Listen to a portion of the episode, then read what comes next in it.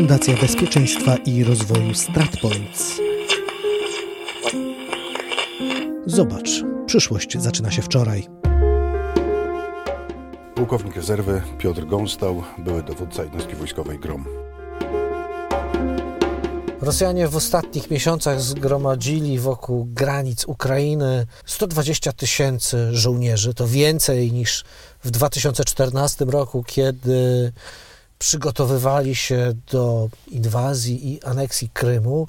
To w sposób naturalny wywołało bardzo duży niepokój i pytanie o gotowość Ukrainy do przeciwstawienia się potencjalnej agresji niezależnie od tego, czy ona nastąpi, czy nie nastąpi.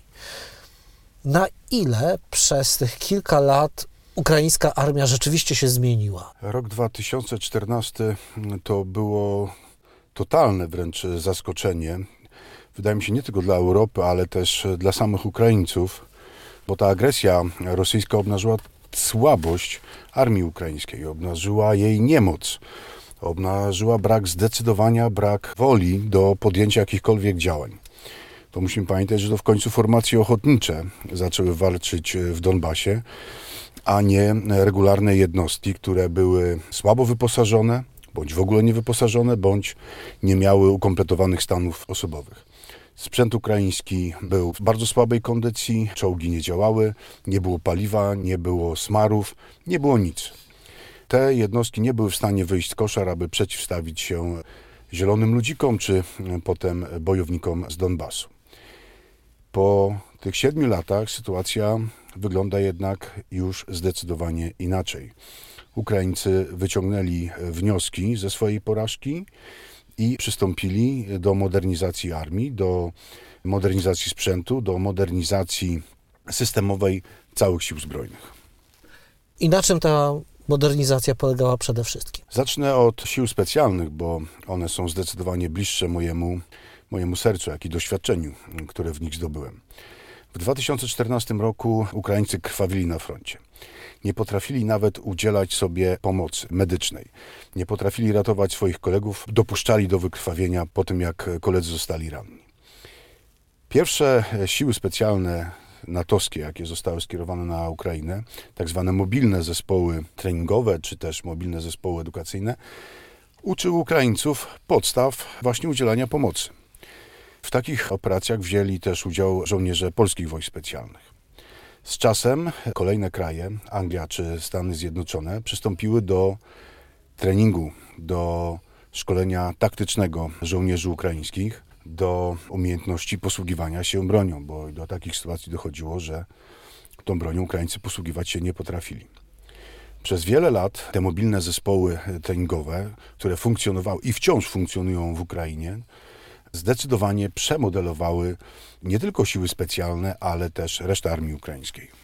I to jest przemodelowanie ze wzorca jeszcze sowieckiego wschodniego na wzorzec zachodni? Tak, dokładnie. To jest bardzo podobny proces do tego, jaki my odbyliśmy w latach 90., kiedy została tworzona jednostka wojskowa GROM, kiedy pierwsi instruktorzy amerykańscy, a potem wspólne treningi z siłami specjalnymi brytyjskimi pokazały, że pewne rzeczy można robić inaczej, można je robić skuteczniej. I dokładnie według standardów zachodnich sił specjalnych, według standardów amerykańskich sił specjalnych, ukraińskie siły specjalne zostały szkolone. Dokonano reformy sił specjalnych, utworzono dowództwo operacji specjalnych, które wzięło pod swoje skrzydła jednostki specjalne z różnych rodzajów sił zbrojnych, jak i z MSW, czy też z wywiadu.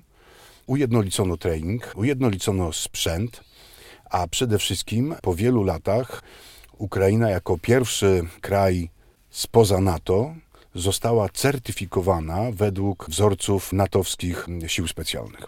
I Ukraina może wspólnie z siłami specjalnymi natowskimi wystawiać swoje zespoły zadaniowe do sił natychmiastowej odpowiedzi NATO.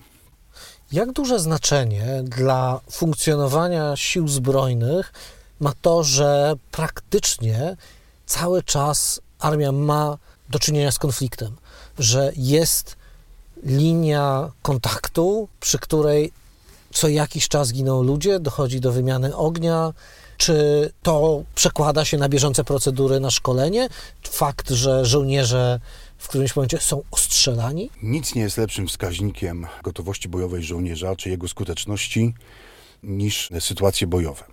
I kolejne oddziały ukraińskie, które wysyłane są na linię rozgraniczenia czy do działań w Donbasie, bo powiedzmy sobie szczerze, to jest traktowane u nich jak misja bojowa, tak samo jak my wyjeżdżamy do Afganistanu, czy wyjeżdżaliśmy kiedyś do Iraku na 6 miesięcy, tak samo siły, jednostki ukraińskie trafiają do Donbasu na kilkumiesięczne tury. Ci żołnierze są w okopach lub są e, na posterunkach kontrolnych lub na punktach gdzieś wysuniętych, które są obłożone workami z piaskiem, uzbrojeni w broń maszynową, w granatniki. Bardzo często strzelają się z przeciwnikiem po drugiej stronie linii rozgraniczenia. Więc ten kontakt ogniowy, a przede wszystkim to doświadczenie bojowe, jakie Ukraińcy zdobyli w 2014 roku, jest bardzo ważne. W trakcie dowodzenia jeszcze jednostką miałem okazję stykać się z jednostkami specjalnymi ukraińskimi, z ich dowództwem, z żołnierzami, którzy przyjechali kiedyś do nas do jednostki i dzielili się swoim doświadczeniem. I muszę powiedzieć, że pewne rzeczy, o których nam opowiadali, zrobiły na nas wrażenie. To jest może konflikt niewysokiej skali, ale konflikt, w którym wykorzystuje się nowoczesne środki rażenia, nowoczesne środki detekcji albo zagłuszania, w którym na masową skalę zaczęto wykorzystywać bezpilotowce i w którym pojedynczy żołnierz, pojedynczy snajper, który żeby oddać strzał, musi najpierw głęboko, głęboko okopać się w ziemi, bo za chwilę spada na niego cała kanonada pocisków, czy to rakietowych, czy też artyleryjskich. Więc te doświadczenia są zupełnie inne od tych, które wynieśliśmy chociażby z misji w Afganistanie czy w Iraku.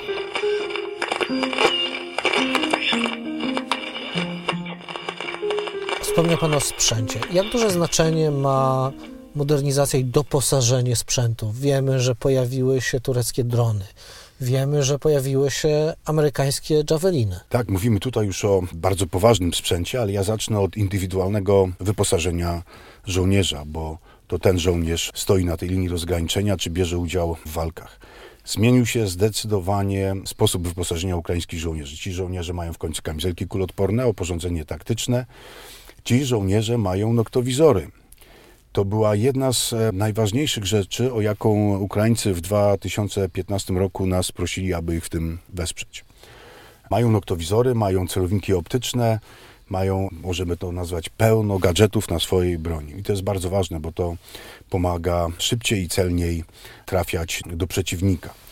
Mówiąc o bezpilotowcach Bayraktar, które zostały zakupione w Turcji, musimy cofnąć się kilka lat, bo bezpilotowce Ukraińcy dostawali od Amerykanów. Bezpilotowce zakupili też w Polsce. To były FlyEye i Warmate z WB Electronics. Także nasycenie sił ukraińskich w bezpilotowce mam wrażenie jest zdecydowanie większe niż sił polskich. Mówiąc o Bajaktarach, one zostały skutecznie tureckich bajaktarach zostały skutecznie wykorzystane w konflikcie w Nagórnym Karabachu, gdzie niszczyły siłę żywą, czy a przede wszystkim środki techniczne wojsk Górnego Karabachu i zostały tam użyte środki te na masową skalę. Ukraina może być troszeczkę innym terenem działań dla Bajaktarów. Niestety tutaj siły rosyjskie mają ogromne środki oddziaływania w postaci środków technicznych walki radioelektronicznej. Mogą zagłuszać te systemy, mogą powodować, że będą one ślepe i niekoniecznie będą trafiać tam, gdzie powinny. To gdyby doszło do konfliktu, będzie on na pewno o innych cechach niż ten, który był w Nagórnym Karabachu. Mówiąc o innym sprzęcie, tak, zostały też wojska ukraińskie wyposażone w przeciwpancerne pociski kierowane Javelin, które są jednymi z najskuteczniejszych przeciwpancernych środków rażenia, ale Ukraińcy mają też bardzo dużo tego typu środków własnej produkcji.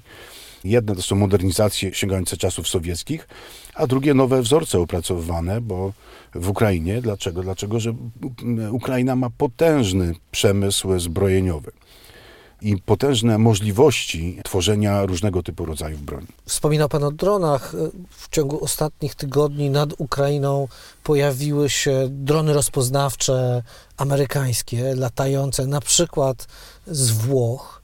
Czy to pokazuje, że Zachód poważnie tym razem stara się też Rosjan odstraszać, pokazuje swoją obecność. Przede wszystkim nie tylko tym razem, tylko te drony pojawiają się od dłuższego czasu na Ukrainie, czy to z baz we Włoszech, czy też z innych baz. Takie drony startują i prowadzą regularne rozpoznanie tego, co się dzieje na wschodniej flance. Także nie tylko Ukraina, ale cała wschodnia flanka jest obszarem zainteresowania NATO. I tak e, być może ta działalność została zdecydowanie zwiększona na skutek zwiększonej obecności e, sił rosyjskich w Donbasie czy na Krymie. Jedną z pierwszych charakterystyk, którą można było zobaczyć 7 lat temu, była likwidacja czy neutralizacja sił powietrznych ukraińskich. Czy Pana zdaniem Ukraina poradziła sobie z tym problemem? Gdyby doszło do konfliktu, to ukraińskie śmigłowce i samoloty mogłyby w miarę bezpiecznie operować nad obszarem działań? Podejrzewam, że nie mogłyby, gdyż Rosjanie mają jeden z najskuteczniejszych systemów obrony powietrznej na każdym szczeblu, na każdym pułapie. I to jest śmiertelne zagrożenie dla statków powietrznych, no nie tylko ukraińskich. Według mojej wiedzy część śmigłowców, chociażby jak Mi-17, była modernizowana, ale nie wszystkie. Natomiast nie mam wiedzy, żeby modernizowane były do jakichś lepszych standardów MiG-29 czy Su-27, będące na wyposażeniu ukraińskich sił powietrznych. Na pewno siły powietrzne nie były tak modernizowane jak środki techniczne wojsk lądowych czy sił specjalnych. W 2014-2015 roku też widzieliśmy masowe użycie artylerii, w tym artylerii rakietowej.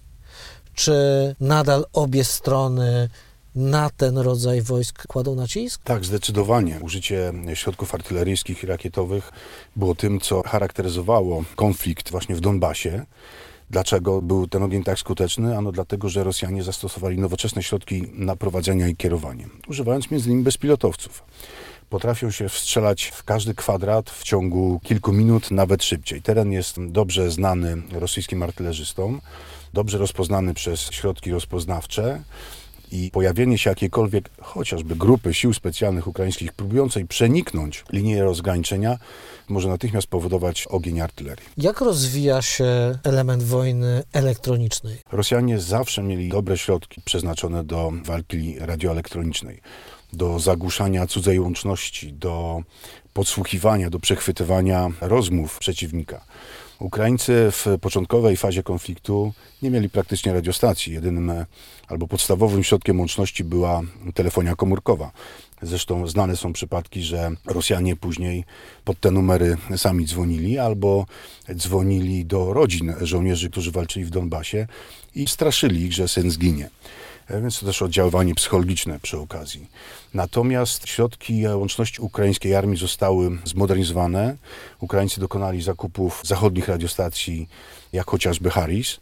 Dokonali do tego zakupów radiostacji, które mają kodowaną łączność, żeby Rosjanie więcej ich nie słuchali. Tego typu środki łączności kodowane były zakupione w Turcji która okazuje się być jednym z głównych partnerów technologicznych ukraińskich sił zbrojnych. Czyli w ciągu ostatnich siedmiu lat ukraińska armia bardzo się zmodernizowała, poprawiło się wyposażenie, poprawiło się wyszkolenie, a to, co było 7 lat temu i co tak naprawdę zatrzymało i Rosjan, i separatystów, czyli wola walki o własny kraj, to zostało. Czy to oznacza, że Ukraina teraz ma zdecydowanie większą szansę przeciwstawić się agresji, gdyby do niej doszło? Zdecydowanie tak. To na pewno nie będzie łatwy spacer dla Rosjan, gdyby podjęli się działań zbrojnych. To już nie jest ten sam kraj, a przede wszystkim to nie są te same siły zbrojne, które stanęły do boju 7 lat temu. To jest zmodernizowana armia, zmodernizowany sprzęt, odpowiadający zachodnim standardom. Oczywiście nie wiemy w jakiej ilości, w jakich proporcjach ta modernizacja nastąpiła, ale wiem, że przynajmniej każdego roku kilkanaście, kilkadziesiąt czołgów T-64 czy T-72 było modernizowanych i dostarczanych ukraińskim wojskom pancernym. Mówimy o modernizacji łączności, mówimy o modernizacji innych środków rażenia, ale mówimy przede wszystkim o wyszkoleniu podstawowym żołnierza. To nie jest ten żołnierz, który siedział kiedyś i gnił w koszarach, tylko to jest żołnierz, który dostaje dobry trening, jest nauczony dobrych technik, taktyk i procedur i to jest żołnierz, który te techniki i taktyki sprawdził w boju. Ale po stronie Rosjan jak zwykle jest przewaga liczebna we wszystkim. Pod względem liczby żołnierzy, pod względem ilości sprzętu. Czy jednak to nie jest tak, że Rosjanie, którzy widzą to samo, to znaczy to, o czym rozmawiamy, nie będzie dla nich żadnym zaskoczeniem. W związku z tym na pewno, jeżeli przygotowują opcję militarną, to przygotowują jakiś sposób przezwyciężenia tych trudności. Czy zalanie przeciwnika liczbami jest tutaj jedynym wyjściem po ich stronie? Myślę, że Rosjanie mają i przewagę liczebną, i przewagę techniczną. Mają zdecydowanie więcej zmodernizowanego sprzętu lub nowej generacji sprzętu. Wydaje mi się, że gdyby zdecydowali się na prowadzenie działań zbrojnych, na pewno armia ukraińska mogłaby zostać, na pewno przesadzam, armia ukraińska mogłaby zostać pokonana. Natomiast istotne jest, czy Rosjanie na pewno chcą dokonać tej agresji, a może tylko prężą muskuły, może testują Zachód, sprawdzając jego gotowość do obrony Ukrainy. Wiemy, że minister Szojgu, minister obrony, zadecydował o zakończeniu ćwiczeń, które odbywały się właśnie w Donbasie czy na Krymie, więc wszystko wskazuje na to, że to było tylko prężenie muskułów. Potrząśniemy szabelką, pokażemy, że jesteśmy silni, mocni i że możemy zrobić co chcemy. Na szczęście następuje deeskalacja i myślę, że dzięki temu wszyscy będziemy spokojniej żyli dalej. A z drugiej strony, to co mogą dalej robić Ukraińcy, to się modernizować i podwyższać cenę ewentualnego zwycięstwa Rosjan, gdyby do konfrontacji doszło w rezultacie. Tak, ja myślę, że modernizacja armii ukraińskiej nie jest zakończona. Wojska specjalne na pewno były tymi wojskami, które były forpocztą tej modernizacji i mentalnej, strukturalnej, jak i technicznej. I to jest proces, który na pewno będzie trwał jeszcze wiele, wiele lat. Aktywnie w tym procesie uczestniczą kraje natowskie, zapraszając chociażby siły specjalne Ukrainy na wspólne ćwiczenia, które odbywają się czy to w Bułgarii, na Węgrzech, czy na Litwie, czy w Polsce, czy na Ukrainie. Ta wymiana doświadczeń, budowanie interoperacyjności sił specjalnych jest bardzo ważne i to pozwoliło Ukraińcom na to, żeby zostać właśnie certyfikowanym jako pierwszy spoza NATO krajów i Ukraina w tej chwili może wystawiać siły specjalne, jednostki sił specjalnych do sił odpowiedzi NATO.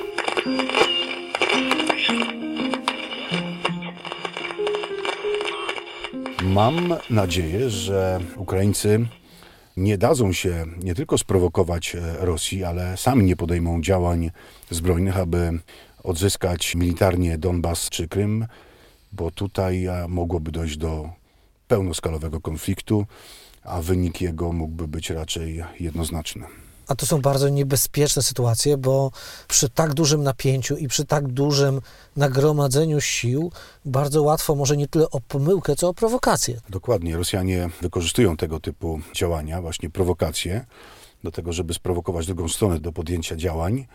A my jesteśmy niewinni, to absolutnie nie my. Bronimy się, bronimy swojej ludności. Dlatego wierzę mocno, że Ukraińcy różne scenariusze biorą pod rozwagę i że nie dadzą się sprowokować. Fundacja Bezpieczeństwa i Rozwoju StratPoints. Podcast zrealizowany we współpracy z Free Range Productions.